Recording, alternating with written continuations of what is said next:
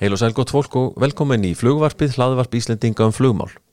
Það var á vordögum árið 1965 sem landhelgiskesla Íslands tók sína fyrstu þyrlu í notkun. Hún var af gerðinni Bell 47 jóð og var keftil landsins í samfunnu við Slísavarnafélag Íslands. Það má segja að upphafs árin í þyrlur rekstri landhelgiskeslunar hafi á köplum gengið mjög bröðsulega.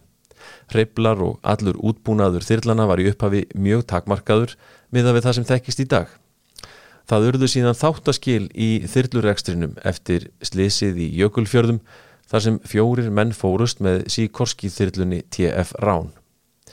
Í kjölfarið var um tíma alvarleg umræða um að hætta alfarið þyrlurekstrinum og láta varnaliðið sem þá var sjá um leit og björgun með þyrlum. Sem betur fer var horfið frá þeim áformum og í staðin ákveðið að setja enn meiri kraft í þyrluflýð. Sákraftur hefur skilað ótvíræðum árangri með ótal fræknum björgunarafrökum síðustu áratuga og öflugri þyrlusveit landhelgiskeslunar en nokkru sinni fyrr. Við ætlum að fjalla um þyrlurekstur geslunar í þessum þætti og spjalla við tvo af reynslu mestu þyrluflugstjórum Íslands, þá Benóni Áskrimsson og Pál Halldórsson. Báðir gengdu þeir stöðu yfirflugstjóra og flugrekstrastjóra hjá landhelgiskesslunni um tíma og eigað baki hreint magnaðan feril í leitar og björgunarflugi.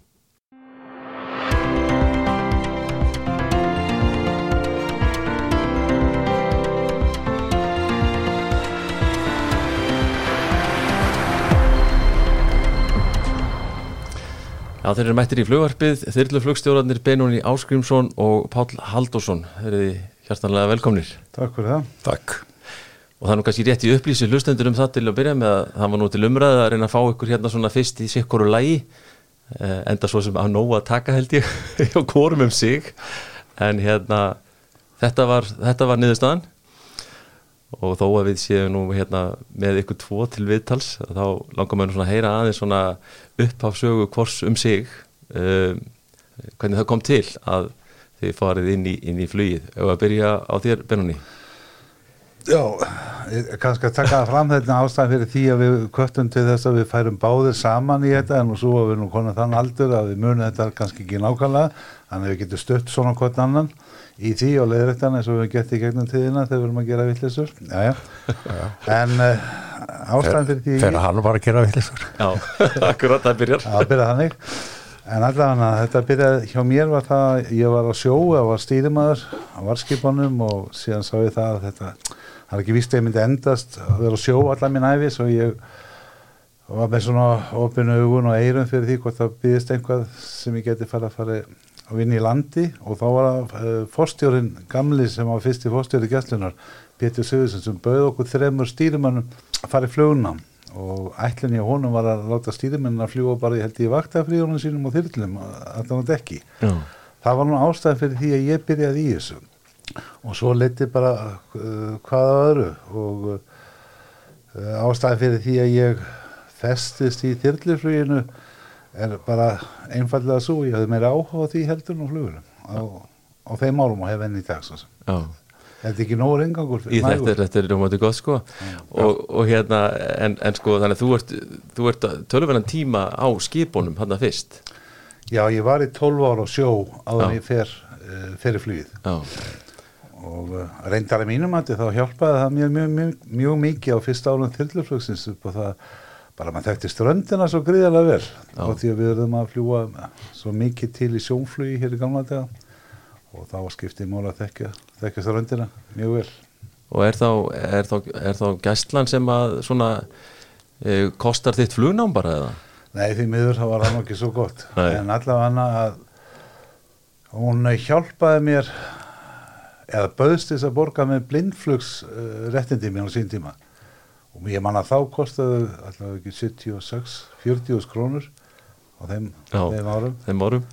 en ég afþakkaði það. Ég var búin að sarna mig til að, að hérna, púsa húsið mitt þegar að þú sem var búin að kaupa og ég frestaði því bara meitt og tók blindflugið og, og var ekkert að Æ, mér fannst einhvern veginn að ég vildi ekkert láta að hafa alltaf mikið á mig sko þannig ég geti uh, rifi kjáft eða ekki rifi kjáft eða, Nei, eða sagt mína skoðanir. Já, þinn, þinn eigin herra í því. Já, Palli, þú, þú kemur allt öðru vísi og, tölvört fyrr inn í flugreksturinn í, í gæstunni Já, já, já, ég gerði það. Enda, enda tíu ára meldri Já, akkurat. Nú Benni var eins og að sagði þetta aldrei lengi á sjónum og það tók smá tíma að venja hann af þessu sko bakborði og það allt saman sko, það var alveg bara hægri eða vinstri, það var, það var svona smá tími. En, en hérna, já, já, ég kláraði bara mitt gagfæra prófi í, í, í hérna Gaggo Vest og, lappaði síðan bara út á flugvöld þegar því var lokið og hérna skráði mig inn í flugskólan þitt og, og það, þar fór ég fór allt mitt flugnám fram og hérna það var mjög skemmtilegu tími ég sólóaði 24. júli 59 og eftir það þá bara tók, já, fyrsta, fyrsta djópi var náttúrulega landgræsluflugin og svo bara leitt eitt af öðru þarna og eins og ég sagði ég er það gammalli hættinu, ég flög sem það degir ég var áðinn 67 fyrsta oktober 67 til Gesslunar mm og Eir er fyrsta þyrlan? Já, það er fyrsta þyrlan og, og það vildi þar til sko að, að gæslan hafi tekið yfir viðhald landgræsluvélana þannig að ég kom talsvert við út í gæslu svona yfir sömarið og, og hérna þeir voru að hressa upp á véluna fyrir mig flugvirkjarnir og ég kynntist öllum flugvirkjum og flugmannum þar og uh, svo bara líða, líður tíminn og, og hérna ég fæ alltaf einu bóð frá Petri fórstjóra að koma á hans fund og ég var alveg gapandi hvað hva allar gallin að gera núna oh. og þá var erendi það að hann bara bauði mér flumanstarf með því skiljur að ég færi til Lorex að, að læra þyrli sem ég gerði svo. Og eftir það fór bara boltin að rúla og sko ef við tölum nú aðeins um svona upphaf þessa þyrlu reksturar hjá gæslunni e, fyrsta vélinn TF-Eir eða hverslas hérna þyrla var þetta? Þetta var allavega ekki björguna þyrla sem slík. Það var mjög hæpið að kalla hana það en, en vissulega fór hún í nokkur sjúkaraflug og, og þetta er náttúrulega á þessum bernsku árum sko, þetta er, þetta er ekki merkilegt ekki merkilegt flýget í sjálfuð sér en það var samt að gera yfirslegt en svo vita, vita þjónustu og þar fram eftir göttunum Já. Og, og voru það svona að þú rifjar upp svona þessi helstu verkefni sem voru já. á þessum tíma? Já það var mjög, já það var nú reyndar bara gæsluflug með þess að já á, á þessari einsræfils þyrlu við fórum reyndar ekki, ekki kannski út á tólvílutnar en allavega svona þrjár fjórar og vorum bara í elda upp í viði þjóa eða kalla það. Það og, og já og sjúkaraflug nokkur og síðan þessi mjög svo góð þjónusta við vitana, það, það breytti ansið miklu hérna, hjá starfsmönnum, hjá skipverjum til dæmis að þau eru ekki verið að róast með þessi gasvilki til og frá. Við gáttum fluttet allt bara í, í, í sling sem sagt. Já, já frá skipunum og upp í upp í vitana upp í vita. Já Er þetta ekki nokkur með svona menni? Jó, já, já, þú segir ekki mikið langt frá. En sko og þetta er náttúrulega bara einn þyrla þannig að mörg fyrstu árin. Já. og uh, svo er þetta upp úr 1970 sem að hvað má segja, kannski kemur svona fyrsta alvöru björgunar þyrlan eða hvað? Síkváskinn? Já, Já það, það má segja það. Og, og það er náttúrulega hún var að vísa bara eins hreyfils og, og svona frekamáttlaus en enga síður þá var hann með björgunarspil og, og hérna fór í nokkur flug að sækja sjúklinga en borðið í skip, ekki mörg, ég er nú ekki með þau alveg á taktinum en, en það voru all nokkur þó. Og ég man eftir að við fengum lækna með í þessi flug og það var nú ekki þessi búnaður á mannum á þessum tíma eins og er núna til dæmis. Það muna miklu. Hvern, Hvernig þá til dæmis? Já þeir voru nánast bara á lækna slöfnum Já, já, já. Svona hér um byll eh, þegar að þetta svona er að byrja bennunni þegar þú kemur inn í þetta uh, hvaða, hvaða þyrla er það sem að þú ferð fyrst á? Ég byrja uh, fyrst á í þjálfun á Bell 47 sem var G-mótil, ekki jóð eins og TFA sem Palli byrjaði á. Og ég, ég man ekki, ég held ég að flói einhverja 70-80 tíma á þeirri þyrlu en sko fyrstu árin mín í þyrlinu, það var að kannski rétt að segja frá því Ég byrjaði þarna 75 og fyrstu 8 ára mínum þegar ég er í, í bæði þjálfun og versus og flugmaður þá uh, farast 13 Íslendingar á 8 árum í þyrtlæslusum hérna á Íslandi en síðustu 39 ár höfur einungis mist einn Íslending í þyrluslýsi. Þráttur er gífulega fjölgun í þyrluflugi í dag, Mm. almennt. Svo fyrir það er maður náttúrulega greiðarlega þakkláttur, hvernig þróun hefur orðið. Ég eh, verða veikin eins og kom fram hjá þér í upphafi að eh, 1983 þegar við missum samstagsfélag okkur og DF Rán fest í jökulfjörðunum þá voru það náttúrulega gríðarlega náttúrulega uh, áfall og menn voru náttúrulega ekki alveg öryggir býti á, á maður að halda áfram að þessari vegferð og eins og komum fram að þá var með þess að á þingi talað um það komst að ynganum að hætta og láta að kalla bara um þetta en við vorum hérna nokkrir uh, Palli Sigurður Steinar Ketilsson skipera, Áskumur S. Björnsson sem var eritinningi á Slísandafélaginu að mynda svona einhvers konar samstæða hópur hjá okkur og við fórum bara í fínu föttin okkar danska skómið slipsi og heimstóttum alla ráðherrana og, og vorum að hvetja á til þess að gefast ekki upp og halda þess áfram. Já.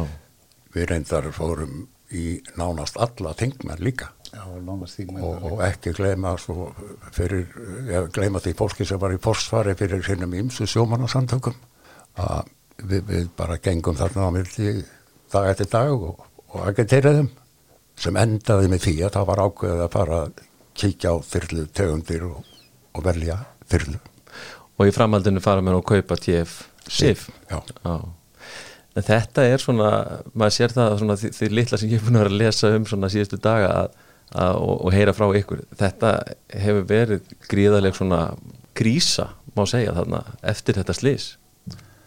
Já, það var það sjálfsögðu sko, við Íslendingar áttum bara tvær litlar eins og styrklur eftir þetta slís og umræðan náttúrulega það var í öllum fjölmjölum alla þeir brotlendingar sem var orðið á þyrlum á 16 árum.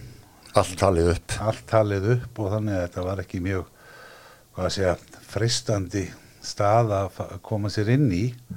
En við vorum einhvern veginn samfærður um að við getum lært mjög mikið á þessum anförum og við vorum líka fastaraðinir í því frá upphafi að við myndum staldra algjörlega við og þetta er gjörbreyttur ekstur ef, ef við myndum halda þess áfram Mm. sem og varð að staðstum hluta. Og ég vil nefna eh, sko eitt dæmi og það var bara sem er grundvallaratrið að það var viðhalsaðstæðan hjá gæslunni, hún var, þetta var bara bári á skíli og ekkert uppbyttað eða neitt, þetta var kaldar oft inn í skílhöndur núti, það var gjör breytt öll aðstæða og líka hvað sé, verklæð í viðhaldinu og síðan má ekki gleyma því að þegar við byrjum aftur þá lögðum við gríðarlega áherslu á það að landíðskesslan fengi flugræstarleifi það botnaði eiginlega enginn í því því það var almennt var ekki sko í leita björgun sem voru á vegum herja almennt að það var, það var flugræstarleifi en það var bara til að tryggja okkur að reyna að tryggja okkur svipað öryggi og gerðist í almennu flugi Já, og þú stoppað með að bara lefi ég er eitthvað byrla, ég man, eh, man, man þetta ekki nokkur rétt? Já þetta er ég veit bara að þú mannst þetta ekkit betur. Þetta er í stórum dráttum svona sko. Já, já. Ha, Já, já, já, og, og hérna þetta breytti gífilega miklu fyrir okkur sko. Og þá var komin svona ákveðin pressa á reksturinn hjá okkur, flugreksturinn. Og skipulaginu var, var breytt all verulega. Og, og hérna við meira að segja við, við sko kannski áður fyrr þá, þá var gæsluflug það var í forgangi til dæmis fyrir æfingaflugi. Við snerum því nú algjörlega við, Benni, þú mást eftir því að, að það var aldrei kansilega á æfingaflugi til þess að fara í gæsluflug. Og, og hérna það voru settar upp alls konar æfingar og þarna komu allir að, þess að flugmenn, spilmenn og hérna sigmenn og læknar. Allir fengu sína þjálfun bara reglulega og, og hérna þetta náttúrulega bara gjör breytti reksturinnum algjörlega og, og hérna uh, það var hvergi, gefið, hvergi slakað á sko, hvergi. Og, og hérna ég held að þetta hafi gengið bara alveg alveg ágætlega frá þeirri byrjun sko. Er það þá þannig að fram að þessum tíma er þá takmarka verið að svona leggja áherslu á æfingar og, og svoleiðis og svona verklag við hlutin almennt já, Þannig að það hefur vanta tölvöld upp á þar. Já, já, það er bara viðkynna sko því að gæslan þetta fyrst og fremst byggð upp svona sem sjódeild í upphafi, bara eins og og am- ameríski sjóherrin og annað slíkt. Þannig að það var engin þekking til staðar í flugi eða og menn hö- höfðu engan þekking og jafnvel takmarkaðan áhuga ég, ég skal ekkert fullan um það. Þannig að þetta sem að notum góða íslensku konsept að það varð að breyta því ef að við ætlum að reyna að gera þetta faglega og setja verklagið sangant uh, flug fagmennsku, eða ekki, fagmennsku í flugi Já. í forgang. Og það varð og, og tók smá tíma en það gekk og ég mikið gaman segja frá því að það er nú reyndar ekki nema hvað 6-7 ár sem ég hætti að ennþann dag í dag er mjög svipað þjálfunaprógram og við settum upp árið 1984 í sambandi við leita björg, eh, björganir og það þjálfunaprógram er í, í, megin í meginstóðum það sama. Svipaðar æfingar og kröfur á þryggja mánuða fresti. Þannig að það hefur skilað sér vel. Já, heldur betur.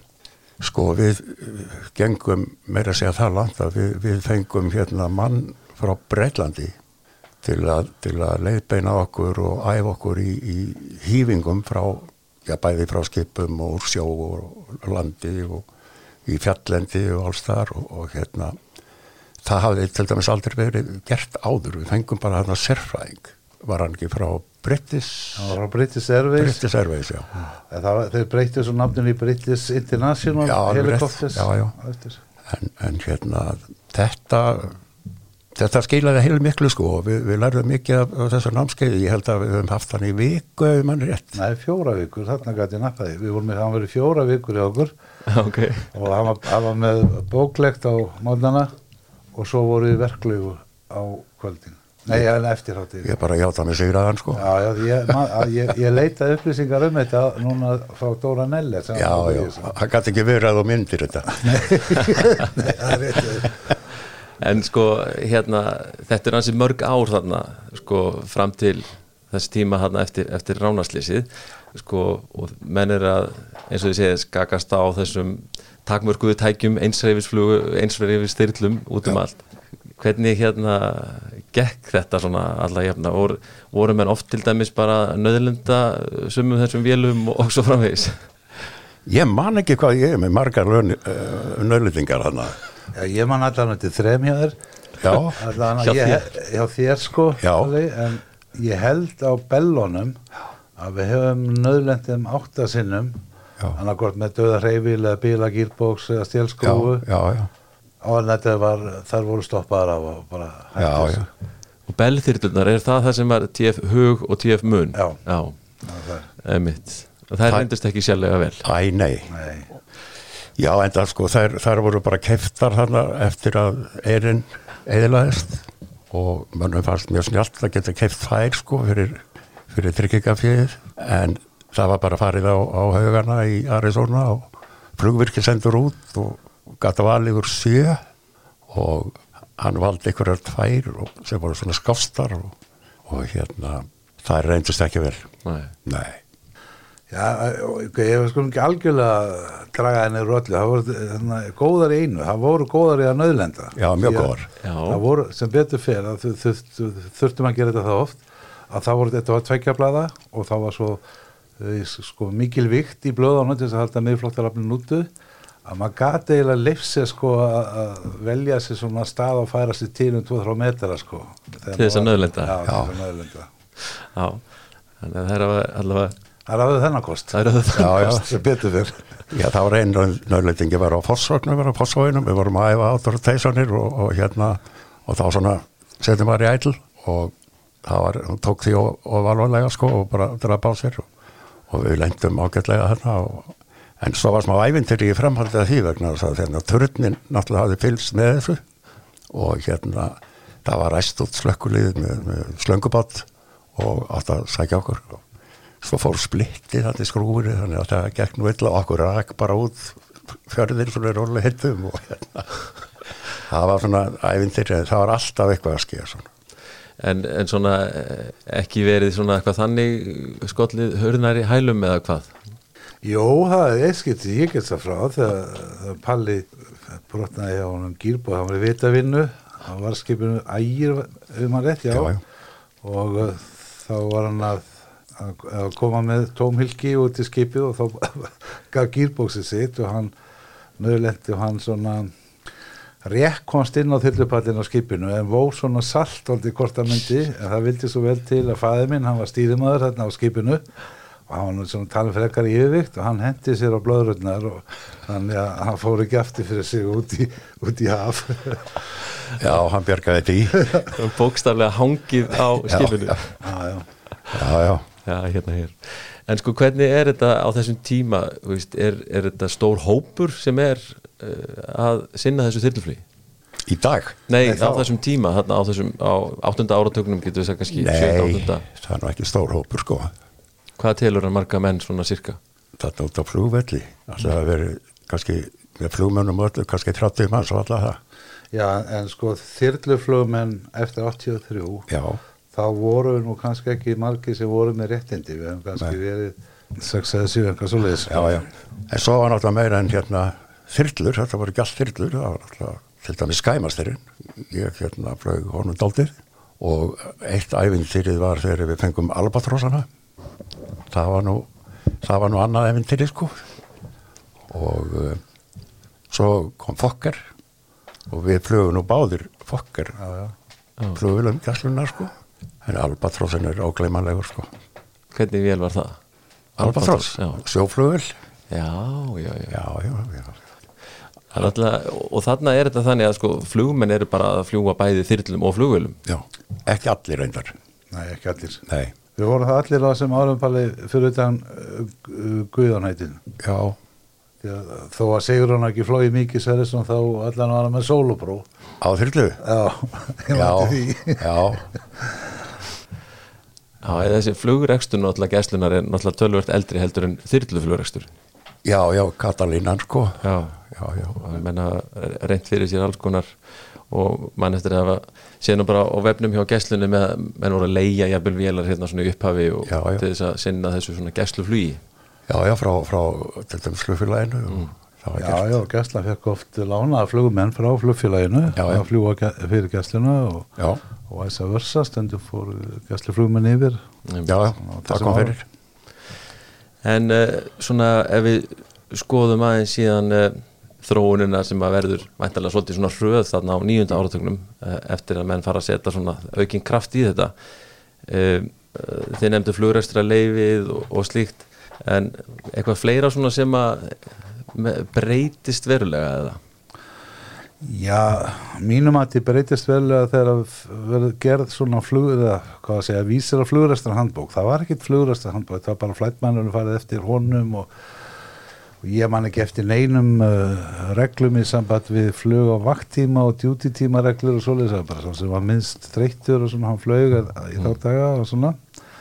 En það er svona stóra atrið þegar það fara að gera bæði það að við fáum kröfuna um flugrestarleifi inn og þá fyrir við að fá eftirlit frá einhverjum aðila. Og svo fáum við uh, í gegna í lögum um landhelgiskesslinu er sett sig krafa að hún skuli hafa flugrestarleifi árið 2006, reyndar ekki fyrr en menn voru farin hann ég veit ekki, þetta er svona stæðstu þættinir og það var farið náttúrulega mjög vanlega þó að væri reyndar við, hvað sé, er við að reyp að draga eða nú er maður kannski svo byrpa bara óvallagutin, ég menn það ekki að allavega að við vorum fyrst árun eftir fáum sif það var náttúrulega mikið vantrú á uh, þyrluflugi íslensku eða gæslunar mm. og kaninn með sína fimm uh, tveggjarreifla með afvísikabúnaðir, nætusjónum hvað öðru. Þannig að það var tóltið erfitt fyrir okkur að reyna sann okkur. Það er að mínum að þetta ekki fyrir að, að um, TFCF og áhöfnin sem pallu að flugstjóri næra að bjarga uh, mönnum að fiskibátt sem stranda á Snæfellsnesi var ekki tíu manns palli, mannstu það? Níu. Níu, níu manns. Og þá hafði varnandi ekki trissir að fara út af veðri. Og það var svona, hvað ég segja, doldil vegamót fyrir okkur að fólk fór að hafa trú á okkur. Og það er svona talsverðbreyting og, og eftir þetta fór þetta að verða svona aðeins auðvitað við, við vorum alltaf að reyna að sanna okkur og þá var þristingur ábyttu getum við þetta eða ekki og svona. En það, var- þetta var aðeins afslappara mínum mati Getur reyfið þetta, þetta uppalið, þetta, þetta flug? Já, já, ég get alveg gert það sko, en, en Benni er náttúrulega búin að segja svona, frá þessu þetta, ég er alveg sammála honum að, að, að þetta skipti mjög miklu máli fyrir okkur þessi, þetta var svona mælstón sko held ég. Já, Eh, ég man að þetta var held ég mars og uh, ég var vækinn klukkan eitthvað 6 um morgunin og uh, það sé bátur rætti neyð og ég kíkja út um Svefnabjörgis klukkan og það er ekki þeim eitthvað söðuvestan helvít sérlegangur og leiðindi og myrkur náttúrulega og það skrönglast á lappir og út, út á völl og hérna svo bara drifum okkur á stað og það var mjög skrítið sko, við fengum þessi, þessi hérna bóð þegar vorum laður á stað að, að kanin ykkur að hluta vegna kæmist ekki, ég fekk heil aldrei alveg bóðni það.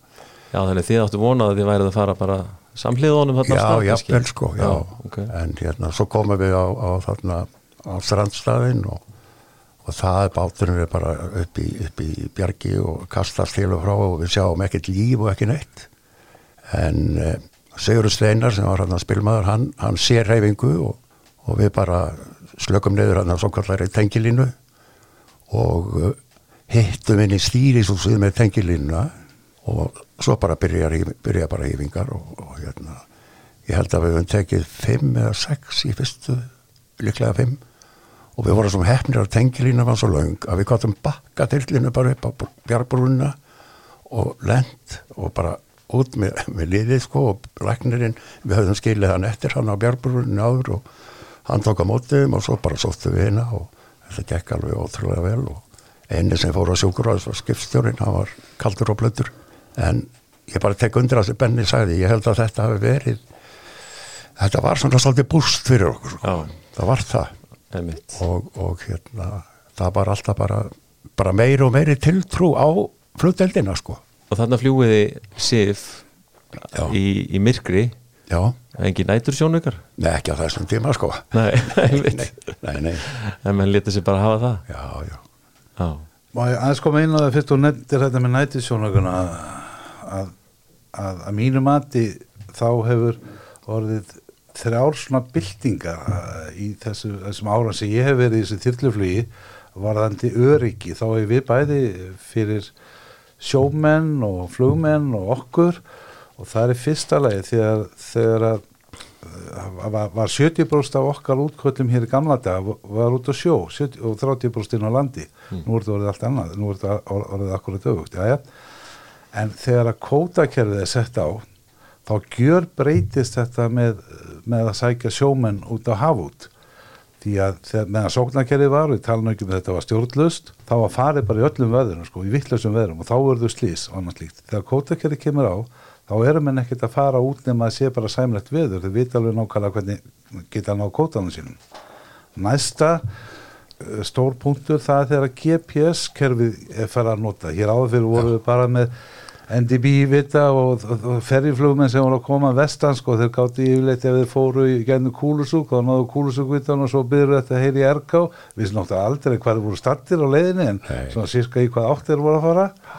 Og ég held pælega að verið í hverju einustu víku á þessum árum sem við vorum eintið þetta ferrivelar já, mikið það. Já, það var alveg ótrúlega mikið. Já, og nokkur við því miður náðu ekki alveg landi og þetta að þá eiginlega gjör breytist þetta. Síðan fyrir okkur sérstaklega þá uh, þyrluflugmennina það er þegar við menna, byrjum að nota nætisjónaguna það er árið 2000 og það var ekki svo ég vissi til að vera neinn borgarlega civil certified operation með nætisjónaga, það voru bara herir. Og þetta var tómt vesinn hjá okkur að fá, að fá þess að nætisjónaga og alls konar leiði og, og, og uh, þetta var hernaðartæki Já. náttúrulega. Og, og við fengum ekki líf eða púmun okkar þá svona civil certified við höfum að samþykja það og hún færi neyri í svona national kategóriu en allavega þetta gjör breytti öllum aðstæðum hjá okkur. Því að, að í nætuflug inn, inn, á lands, eh, inn á land á nóttu til, ekki með nætusjónuga það verður bara viðkennast að það var ansi mikill áhætta sem vildi, menn voru að reyna gera lett án yfir ám sko, það var allt í snjó, þá voru áinn dökk sko, og var þetta að fylgja henni eitthvað og svona? Þetta var Já. þetta, þetta reddaðist. Þetta þess að ég hrættir um að væri búið að ríða mann í teinið um að það hefði gert þetta í dag. Já, já, menn fundur leiðir bara já, já, til þess að gera það sem það gera þurfti er já, já, jú, jú, jú, og hérna ég manni til einu þurfti að sækja ykkur í, í landmannalögur í svarta myrkri og hérna ég botna eiginlega ekkert í því lengur hvernig, hvernig við fórum að þessu sko. Nei. það er bara svona glemt. En ég vil koma inn á annað líka sko það sem Benni minnist á í sambandi við svona búnað. Það er bara hreinlega búnaður áhafnarinnar. Hvað hann hefur breyst í árana rás það er alveg ótrúlegt sko. Hvað hugsunin var, hún náði ekkert sko. Ég meina, ég er að fara á eins eða við erum að fara á eins reyfils þyrlu eitthvað út á flóa. Jáfnvel bara ég hviti skirtu með bindi sko en en, engin björgunar búnaðar sem slíkur. Nei. og, og hérna það er náttúrulega hefur svoleiðis undið upp á sig að, hérna ég veit ekki hvað, hvað er vantar nokkuð upp á? Ekki held ég það. Það held ég ekki. Það er mjög góðu búnaðar hjá gæsluna í dag. Alveg til fyrirmyndar sko.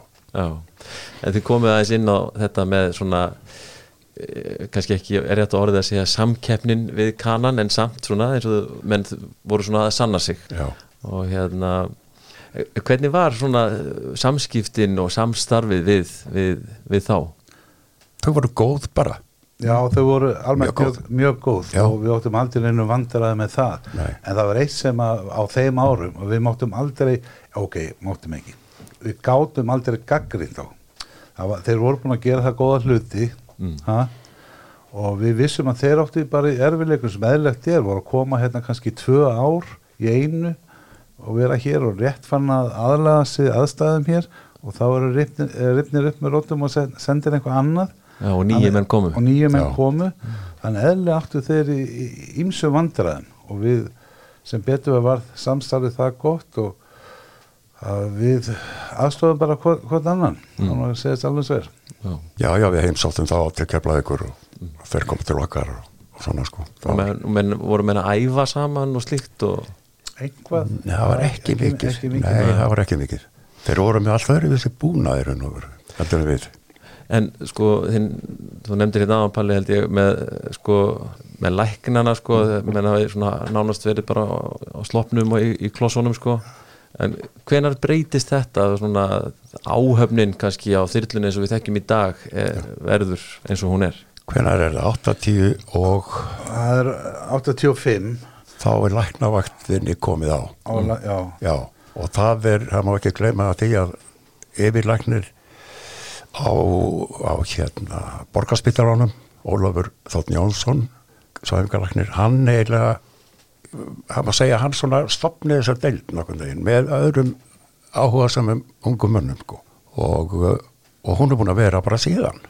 En fram að því er að það bara svona eitthvað hap og glappa eða? Já, já, já, var það sko Já. og yfirleitt voru við ekki með lagna, yfirleitt og þá voru það bara aftur í það voru það spílmennir og Já.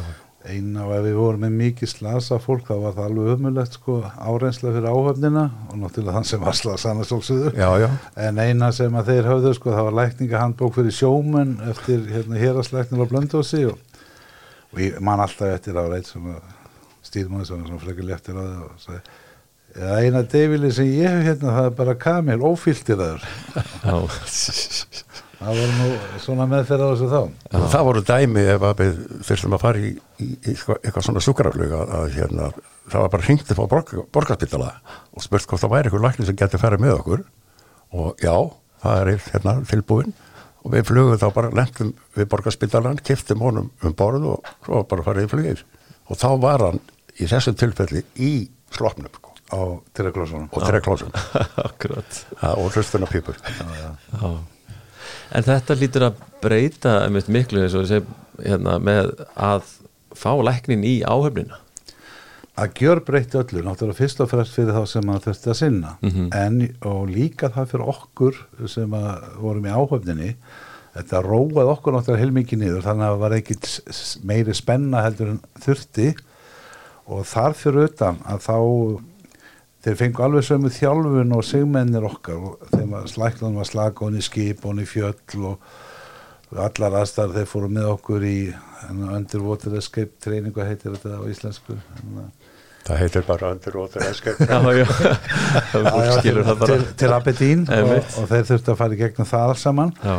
þannig að við vissum alltaf sérstaklega voru tvísynt veður þurft að sækja, sérstaklega þurft að sækja út á sjó og annars lít, þá þekktu þeir aðstæði mjög vel og gáttu metið að, eins og við segja, hann getur lafað í fjóra tími viðbútt og, reynda að koma skipinu var eða einhvað og en til dæmis ef við höfum ekki haft læknanbor þá hefur bara að borgarspítal og lækninu þar að segja, já ég vil fá hann það er bara þið sem heiti það hvort ég geti sótt hann ekki, þetta var gjörbreytt staða fyrir okkur. Algjörlega, þeir spöruð okkur margar ferðir sko, já, já, gerði það. Þegar þeir vo- voru búin að heyra í viðkomandi sko. Já, já, já. þetta er ekki, það er ekki ástæða með að við veður og annað að sækja þið sko. Einmitt. Það, þetta breytti mjög miklu. Og þar að leiðandi bara öryggi fyrir áhöfnina á þyrlunum Já, menn okkur kannski aðeins í nöfn að þú veist, við erum að ræða sem læknan að að gaman frá því sé að, að landlæknirinn okkar í dag frú Alma Möller hún var önnur af fyrstu konanu sem var læknirinn á þyrlanum hérna, með fyrstu, ég man ekki alveg á hún var fyrst Já, nei, með, hún var ekki fyrst jú, hún, það er Helgu, Helga hún komið saman Já. en allavega hana, ég man ekki alveg árið allavega ekki verið 86 Eitthvað svoleiðis. já. Eitthvað svoleiðis. það var þetta alveg fótur og fyrt á vellinum eða hvað, kona kom út á völl. Já, það voru ekkit nema kallirembur á vellinu sko sem þá voru bara fúlskekkiðar, andfúlir og svitastornir og svo allt í kemur kona menn voru bara að raka sig og, og, já, og, og, tala aðeins hvað að segja fallegra máli var kannski vannir. En uh, ég undirast alltaf eh, með landlækning hvað hún leit alltaf vel út sko á ég við miðjanótt, ég man alltaf eftir miðjanótt voru að fara upp og tóra í vittlausu veðri. Það var eins og væri bara að koma Channel 5 síning sko, og við allir grútfúlir. Já, já. Það er, það er einmitt hef ég einræð sína í þetta eins og önnur störf. Já, já, já, já, já, Já, ég man að, að hérna, ég átti satt fundi mitt þar sem þetta var ákveðið, við hittumst oft, kannski svona tvekja mánuða presti, sko, og, og, og læknarnir og við, og Ólafur Jónsson, hann, hann presenteraði þarna ölmu og, og hérna, ég held nú ekki, og uh, það endaði náttúrulega með því að eins og vennilega að við kallarnir gefum alltaf eftir, allt eftir og hérna, ég reyndi að útskýra fyrir honum að þetta væri kallir embu staður. Já, og hérna, það duði ekkert, en þær stóðu sér vel. já, er ekki? Jú, jú, jú, jú, jú. engir, aukvísar örgla sem að velja, veljast í þetta? Nei, hvað með aðra svona í áhöfn eh, sko, spilmenn sigmenn var þetta þetta er, er helgirna lið sem þarf að samhæfa? Já, já, þetta er allt, sko, þetta er allt náttúrulega innanhúsmenn, þetta eru stýrimenn og flugvirkjar. Og þetta endar þannig á sínum tíma, það var nú verið að ringla svolítið með hver er þið með spilið og hver færi niður en svo þótti nú eðlilegast að, flugvirkjarnir væru með, með spilið og, og sigmennindir stýrimenn sko, oft kafara og oftast er það ekki kafara læriðir sko. Þannig, eh, og þeir eru bara á sömu vöktum og, og flummenn þannig að, að áhöfnir alltaf reist, eh, reist út bara öll í einu ásandlækninu náttúrulega.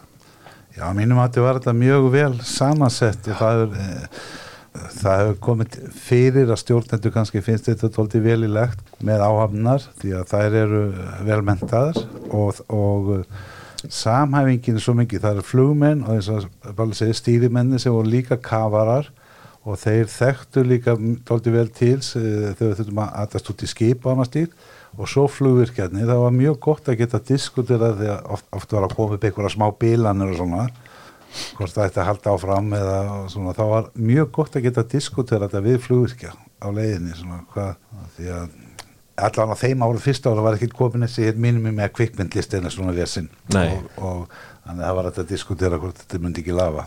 Einmitt. Já, já, það var ekki og ekki heldur djúti tíma. Nei, nei, reglur, það var bara eins og þurfti.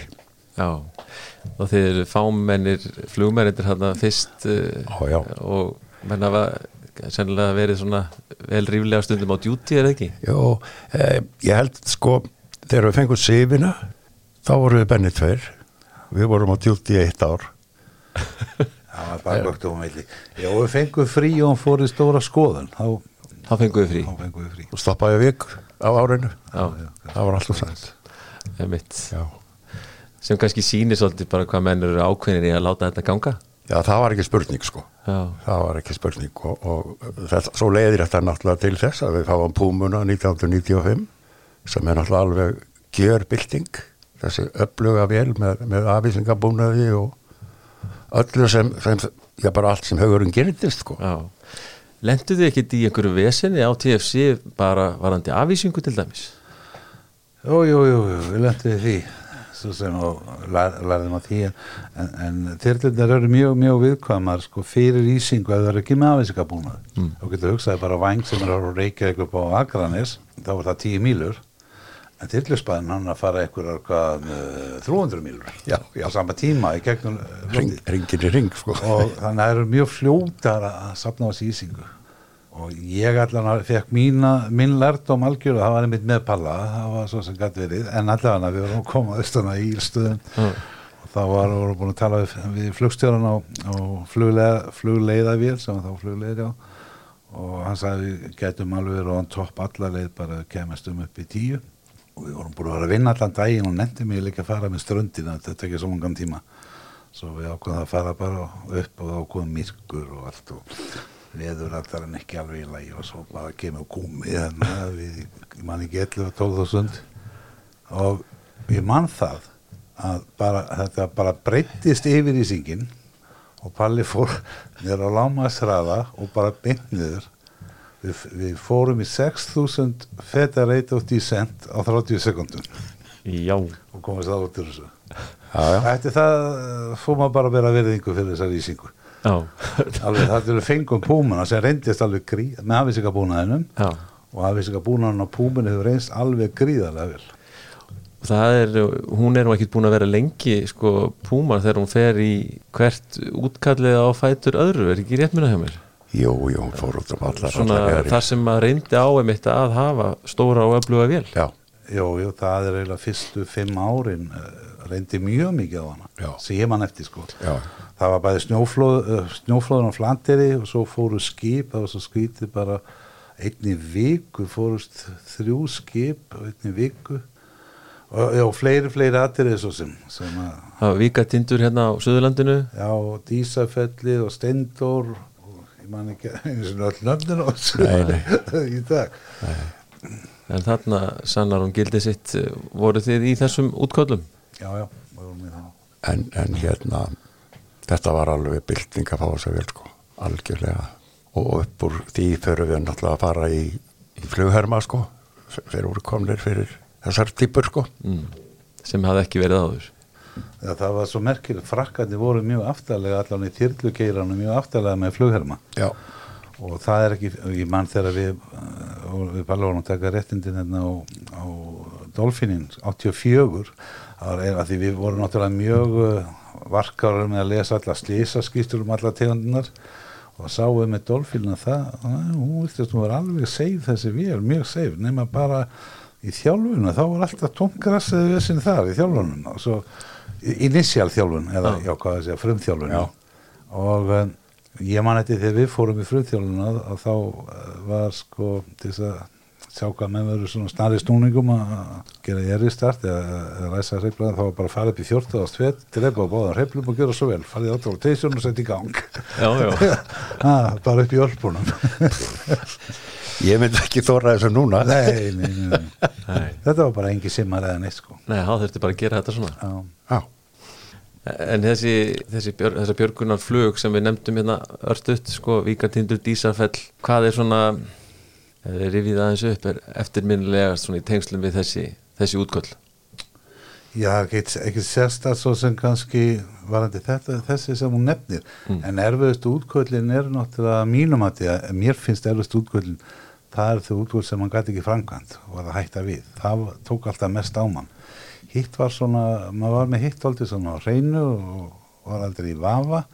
En útköllin sem maður var þannig hvort að játa sér sigraðan þau voru alltaf erfið, mjög erfið en blessunlega þá fórist enginn sko svo ég viti til á þenn tíma Já, í þessum aðtöku þar sem Já. að þú komst ekki Já, mennar. já, já, já, einmitt. einmitt. ég man ennþá eftir einhverjum þremur sem að ég stundum bara fæ flashback ég meina gati haldið áfram hugsaður, ég er ennþá að hugsa um þetta stundum já, já. þetta verður alltaf, áratögu alltaf erfitt Hefði maður geta farið lengra? akkurat, einu skrefi já, já. Já, ég man alltaf eftir sérstaklega einu sko því við vorum búin að berja svo lengi í leiðinda veðri var, og þá var einhverju hluta vegna sem kannin gæti ekki farið. Og sko það, það má ekki gera lítið þeir áttist talsverðum erfiðlegum með að opna flugskilin sín ef það var mjög kvast en allavega það fór ekki og við eh, lögðum á stað á sífinni og náttúrulega hvorki með afvísika búin að nætti svona eitt eða neitt og þetta voru svona kannski ætlaði ekki verið 60 hnútar meira á minna alla leiðina hjá okkur og í nefið þannig að við mistum af, af dagspyrtunni og vorum svona ljósas, ljósaskiptum. Og við vorum búin að vera í rúma þrjá klukkutíma þegar við vorum að komast að skipinu og það voru loðnskipinu sem voru að lýsa upp fyrir okkur skipi sem var stranda og menninni heldur svona utanum masterið einhverju af þeim og, og það voru tvær mínúndur eftir af þeim eftir alla hennan barning og við höfum að gefast upp, fórum út og rættum saman áhöfnin hvort það ættum að geða eina til raun Jó, við ákvæðum það að reyna og það allt koma saman því við erum náttúrulega að reyna að fljúa til instrumentum því að við engin nættu sjónungar og við höfum bara að gefast upp og fara og, og það var eins og ég hef sagt sko, það var mjög þögul björgunar áhöfn sem hann laðast að út í öryggið. Og ég er nú trúaða maður sko og ég manni í beiti guðs og, og mér var það óskminni nóttina því að björgunar seti komist þráttu mjög erfi skiliri og gátti björgaðar sem hennum hmm. þannig að það er svona flug sem að úr erðust, hitt sem að gekk upp, á, það var ekki tverrið Nei, það er kannski meira svona bara vinnan. Það er meira vinnan, já, já. Er þú með, með svona svona tilvík líka sem er að poppa upp í hugan Já, já, það kemur á og til sko. Já. Já. Eitthvað, eitthvað eitt fremur en annað? Nei, nei, þetta, nei, nei, ekki tannig sko en, en, en þetta kemur upp í hugan á og til Var hægt að fara lengra mm. það er einmitt það sko það liggur, ok, björgunarstörf er í eðli sínu hættuleg. Þau eru bara í eðli sínu hættuleg. Og það er ekkert að mínumati nema reynsla þjálfun og góð domgreind sem heldur manni réttum megi við mörkin hins ómögulega. Er mín skoðum Já, akkurat, það er nokkuð nokkuð vel orðað. Það er bara unnið eftir því. Já En þið hafið svona á ferlinum hérna svona aðeins tekið smá útrúdur svona, Benunni, þú fóst til Atlanta að vinna, það hefur nú verið alveg að venda sínu kvæði í kross, er það ekki? Jú, að mörgu leiti og um, ég, ég fór í fílu við yfirstjórnina, það var eina ástæðan. Já. Annur ástæðan var svo að, að mér langaði að sjá svona hvernig aðri flugreikendur höguðu sínum flugreikstri og síðan fannst mér líka mér skorta aðeins svona blindflugs reynslu og þjálfun. Og ég var þar í, í þrjú ár sem ég, ég fekk launalust leifi og uh, svo var það bara fínt. Ég, eftir þrjú ári þá var ég búin að hafa nóga því og snýri bara aftur á þillunar Hvað varstu að hverju varstu að fljúa hjá Allanda þá? Ég var að lokka í trestar Já, já. Farið út um allan heim í, í því, þeim flugum eftirlega eitthvað? Já, já, það held ég. Já, ég fór ekki til Kína manni en svona ég fór við það mjög við það Þetta, Þú komið þá bara feskari tilbaka þegar að þessum tíma liðnum eða hvað? Já, mér fannst það. Og, og ég var líka eh, eftir að hafa verið og að mínum að þetta var allt gert mjög faglega þó að það var nýbúið einlega jarinn á þessum árum og svona og en mér fannst mjög margt faglega gert og ég lærði það þar allan að hjá gæslan, flugtil gæslunar var að gera flest allar hluti rétt mm. og þannig að maður fekk svona samfæringu fyrir þessu. Það er oft gott að, að fara aðeins út fyrir hólinsin og sjá hvernig aðrir gera hlutina. Já. Þú gerir slíkt í samanpalli, svolítið. Já, já, já. Fórst til hvað, Belgíu? Já, ég fórst til Belgíu. Það var, það var ekkert um að vera í flugtild gæslunar hana og hérna, ég sá ekki framtíðina fyrir mér sko. Það var verið að selja sko skæmastirinn, ekkert ákveði hvað það gera og svo ég bara fór til Péturs fórstjóra og, og bara sagði upp og baða, baðanum að lega mér að fara bara sem fyrst því að ég þurfti að fara daginn eftir út Þetta er 1970 eitthvað? Já, kringu það, já, kringu það. 71, já. já Pétur hafði við fyrir stráknum og, og gaf hann bara tveggjára frí Já það var mjög, mjög já, hann, hann vissi hvað var að gera. Því að hérna auðvitað fór þetta fyrirtækja á kvínandi hausin og ég kom bara heim og, og fór meint af okkar og bara, já, sé ekki þetta því sko, en maður fór við það og lærið ímiðslegt og flögum með skemmtilegu fólki og rakka kvaran til dæmis og, og Hallgrími Jónsson í flerum, þetta var alveg bara Mag, Magnu tvö ár sko. Já, Já, vissulega. Ævintýri bara. Já, það var það. Svo skruppum við nú aðeins til Hollands Já, alveg rétt jú, Mátt ekki gleyma því, já, já, Já. þarf svo kalkaður.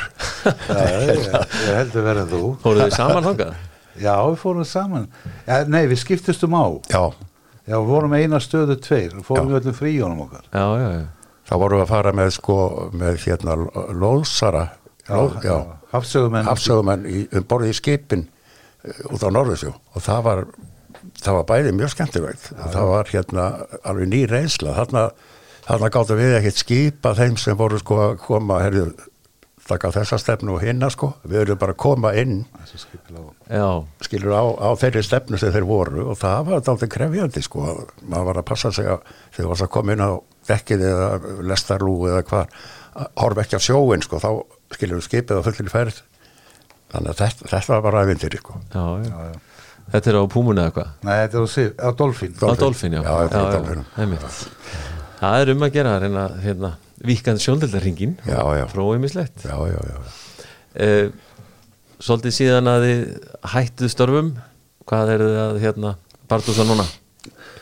Ég var náttúrulega eftir að ég hætti þá var ég í, í fimm ár upp í samgöngustofu og að um, eftir þess maður aðra með þyrlu, þyrlunum alveg svo Palli var andur mér en svo eftir það þá mér finnst ég að hafa nóg að gera. Það reyndar þetta bara aðal í golfi og sundi og gera möllersæfingar á mótnana Já. og svo ég aðstofa Palla hans í að við erum að taka saman. Eða þú kannski segir frá því Palli. Já, við erum byrjaðir á samt uh, félag okkar erum að, að hérna, uh, skrifa sem sagt upphaf þyrlurekstars reksturs landingiskeslunar Já, það er mjög áhugavert. Og uh, gífurleg vinna. Ég er búin að hanga nýra á þjóðskjarlasafni í dögum saman og uh, mynda og safna gögnum og, og allt það en, en hérna ég held að þetta verði mjög, mjög skemmtileg bók. Ég held að verði, já, skemmtileg og náttúrulega sorgleg þar sem að T. Brown fórst við, erum akkurat í þeim kapla núna og það, er, það þarf að vanda sig vel og og allt það en, en allavega þá held ég að þetta sé verið mjög góð heimild sko, um upphafið. Og uh, þetta, er, þetta er skemmtileg vinna og uh, já ég held að þetta verið ekkert síður í bók en, en landgræsleflugið sko. Nei, sem þú komst með hérna fyrir ekkert svo löngu síðan. Já, Fl- Flugreksturinn þar. Já, Já, þannig að þið eru þetta saman að grúska í þessu. Já, já. Um, Er eitthvað meira svona strákari sem, sem að við erum að svona árun við slúttum þessu? Ég held sko, jú, ég, mér langar að segja kannski restina. Ég er alveg óskaplega þakkláttu fyrir hver staða flugdeldar gæslunar er í dag miða við þegar við erum að byrja. Í dag, að mínu mati, að þá eru þeir búin að öðlast gríðarlega reynslu og þekkingu og eru með mjög góðan búnað og það er eftirsóknar verst að vera í hjá flugdeld gæslunar mm. og fyrir það eh, já, langar mig að eiga hluta því að vera tóldi stoltur að Þú getur vantilega að tekið undir þetta balli Já, já, það vildi þar til að það er nokkuð leikra en þrýr dagar síðan að ringdi mig maður sem að, sá síðasti sem var ráðinn sem þyrlumadur, Haukur Harðar. Já, og hann var eiginlega bara að ringja til að segja mér hérna hvað þetta var æðislegur vinnustafur þetta er ekki leiðileg með mæli Nei, það er frábært. Já, og þessar, þessar þyrlur sem að þeir hafa í dag eru náttúrulega bara eins, eins, eins, flottar að það er geta orðið. Já, það er mín skoðun og, og mitt að þessi tegund og útbúnaður sem konið með í hana mm. að það, það er bara ekkert betra til að markaðum að mínu mat í dag. Allavega ekki á siflumarkaði þessi ég veit um. Og þeir uh, vel að þessu komnir loksins sko með virkilega gó- góðan búnað. Og það sem ég líka pínleiti stoltur að að það er það að það er ekki bara það að útbúnaðin, þjálfun og reynslan þeirra séu vaksandi heldur höf, hafa þeir náð því að vera með svipaða tekjur og almennir flugmenn á Íslandi. Já, og það var líka tólið barningur í því skal ég segja þér. Já í kjæra barátunni það er nú annar, annar, annar já. sáttur bara. Já. við, við, svo, svo langt að við sögðum allir upp og Balli og konum liftar og ég og konum vinn út í Danmörku og þannig að það var svo mikið láttök sko Já. í þessu á sínum tíma Já. en fyrir það er ég stoltur og sérstaklega að ég sá einhver staðar í einhverju úttekt DFF út þetta að það voru þetta tveir eða þrý flugmenn gæsluna sem voru með hæstu flugmennum á landinu, ég er mikið verið stoltur af því Já, ég segi nú bara að þú veist eh, ef menn eiga ekki að vera með hæslunum flugmennunum sem að vinna þessa vinnu þá veit ég hverju eiga að vera það Það er myndið að vera okkar sterkur rauk sko að það er að segja býtu út af hverju við eigum við að vera með lærri tekjur og þá þarf að vera rauk fyrir því af hverju það er. Já, sem er ekki til. Nei, það er mín skoðan og hvenar, hvenar er þessi barningur hvað, hvað mestur þessi hjá ykkur? Já, það sé ekki Palli það er sennilega 80 og 8 átt að senda tvo flugmenn á ríkispenningum til Danmark, nei til Kanada. Og við í grunn þjálfun og í grunnþjálfun á þyrlu. Þeir, já, og við sögum þeir bara þeir eru ekkert í vinnu hérna kringum okkur. Við myndum gera þeim lífið bara gjössala ó, ólíðandi hérna ef þeir færi á þessu. Og þeir neituðu og þá var þeim sagt upp. Og við allir því sögum þá bara líka upp. Já, já. En svo settlaðist þetta nú allt saman og það bara lenda á okkur að þjálfa það og kenna þeim já. svo væri bara íslensku já, En, en þá í kjölfari síðan þá kemur þessi svona eins og segir tenging við Æslandir flugleiðir eins og var. Og flugleðir, að menn sé ekki á lægri tekjum en þar Nei, en þetta var í upphafi sko, þetta er tóltið löngsaga því að mm. flugtöldin byrja 1955 í upphafi þá var það gæslan eða, eða stjórnundir landinskara sem kröfðust að flugmennir væri að sömu launum og flugfélag Íslands flugmennir af því að stýrimennir á þeim tíma voru herralaunaðir heldur en flugmenn. Já, þannig byrjar þetta. Sem, svo blessunulega þá hengum við á þessu og ég man eh, 82 eða, á- ég man ekki alveg þá lenda flugleðir að skömmu eftir saminninguna í mjög mikill krísu og flugmenn ákveða að lækka laun sinum 10% og á sama tíma þá hækkuðu ríkistæðsmennum 16% í sömu kjærasamningum og það var alveg beitt fyrir okkur sko hvort þú vildið þetta ekki, nei, við erum bara lafa á þessu Já, sem betur fyrr uh, Nú er í fréttum öðru kóru að hérna flugmenn landlækningskjæslunar hafa verið samningslausir í, í þrjú ár held ég eða eitthvað. Háttið þrjú ár. 83 ár, Hva, hvað finnst ykkur um það? Það er minnst það bara sorglegt og en ef ég skil þetta rétt er, þannig að óvarlegt að mér að vera að ta- úttala með það, en mér skilst þessi stór hluti af því út af starfsaldurslista, stór hluti. Og mín skoðun er allan að svo og ég heyri það fyriröndi kollega minn er það að þetta er að stóra hluti örgisatri og um, menn bara halda sig við það. Já. Menn ætla ekki að gefast upp allavega með þetta og veist bara magna hvað þetta er að taka langan tíma. Já, já, það er skriftið það er eitthvað stórfurðulegt sorglegt. Það kannski vantar bara eins og þið gerðu það menn bara segja upp. Ég, ég ætla nú ekki að hafa þetta í kærabaróttu hérna áleggingar í kærabaróttu Nei, en, en þetta er bara leiðrægt að sjá hans er komið. En þetta var helvít erfitt á sínum tíma. Já, ekkert, ekkert eðlileg samskipti við, við, á milli, milli manna sko, alls ekki. Að þurfa að segja upp bara að mannum að fólast alvara. Já, já. Ekkert annað hægt Við vorum búin með tvo mánuði og þrjár, það var vika eftir afsannafrestinum þar að náðu sem komin að. Já. tvo mánuði og þrjár vikur. Og þá er þetta hengt, hengt við. Já, og var ekki trófla við því meira fyrir en kannski núna síðustu ár sko. akkurat það var bara til fyrir þess Það er mitt Það þarf að vera friður um þessi mál sem sem menn séu líka sáttir. Já, já. Það er, það skiptir miklu máli. Heldur betur En uh, allir við setjum þá ekki bara punktinn hér við þetta spjall okkar? Já, Jú, heyrðu, þetta var bara mest að fyrða hvað var ánægilegt að reyða þetta upp. Er það ekki? Jú, jú, ég heldum ekki að fara með mikla við ætlum svo palli að það. Nei, það er náttúrulega dálfið líi í þér sko. Það svona dálfið frálslega með sem að hluti En þetta er, já, þetta, ég vona hérna, þetta er búið að vera fróðlegt að hérna, heyra aðeins af þessu og, og hérna um þyrlu rekstur gæslunar og verður spennandi að sjá bara bókina þegar hún kemur út er eitthvað, er eitthvað tímamörk sem Nei. hann er búin að setja sér? Nei, það er ekki það er ekki hægt bara sko. Nei. það verður vonandi kannski seint á næsta ári sko. þetta er það mikil vinna sko. Ég skal trúa því já, og þá var það næsta markmið, það er að tóra hanga til Já, það er nú ekki sjálfgefið. Nei, það er sko langt í- aldrei sem maður er. langt í var, langt í já, Það er vissulega hárið Benóni og Páll, uh, kæra þakki fyrir að koma í flugvarpið og segja aðeins frá ykkar ferli og þyrlu sögu landhelgiskeslu Íslands. Takk fyrir semleis Takk fyrir samleis Setjum hér punkt fyrir aftan þetta spjall okkar og þar til næst, góða stundir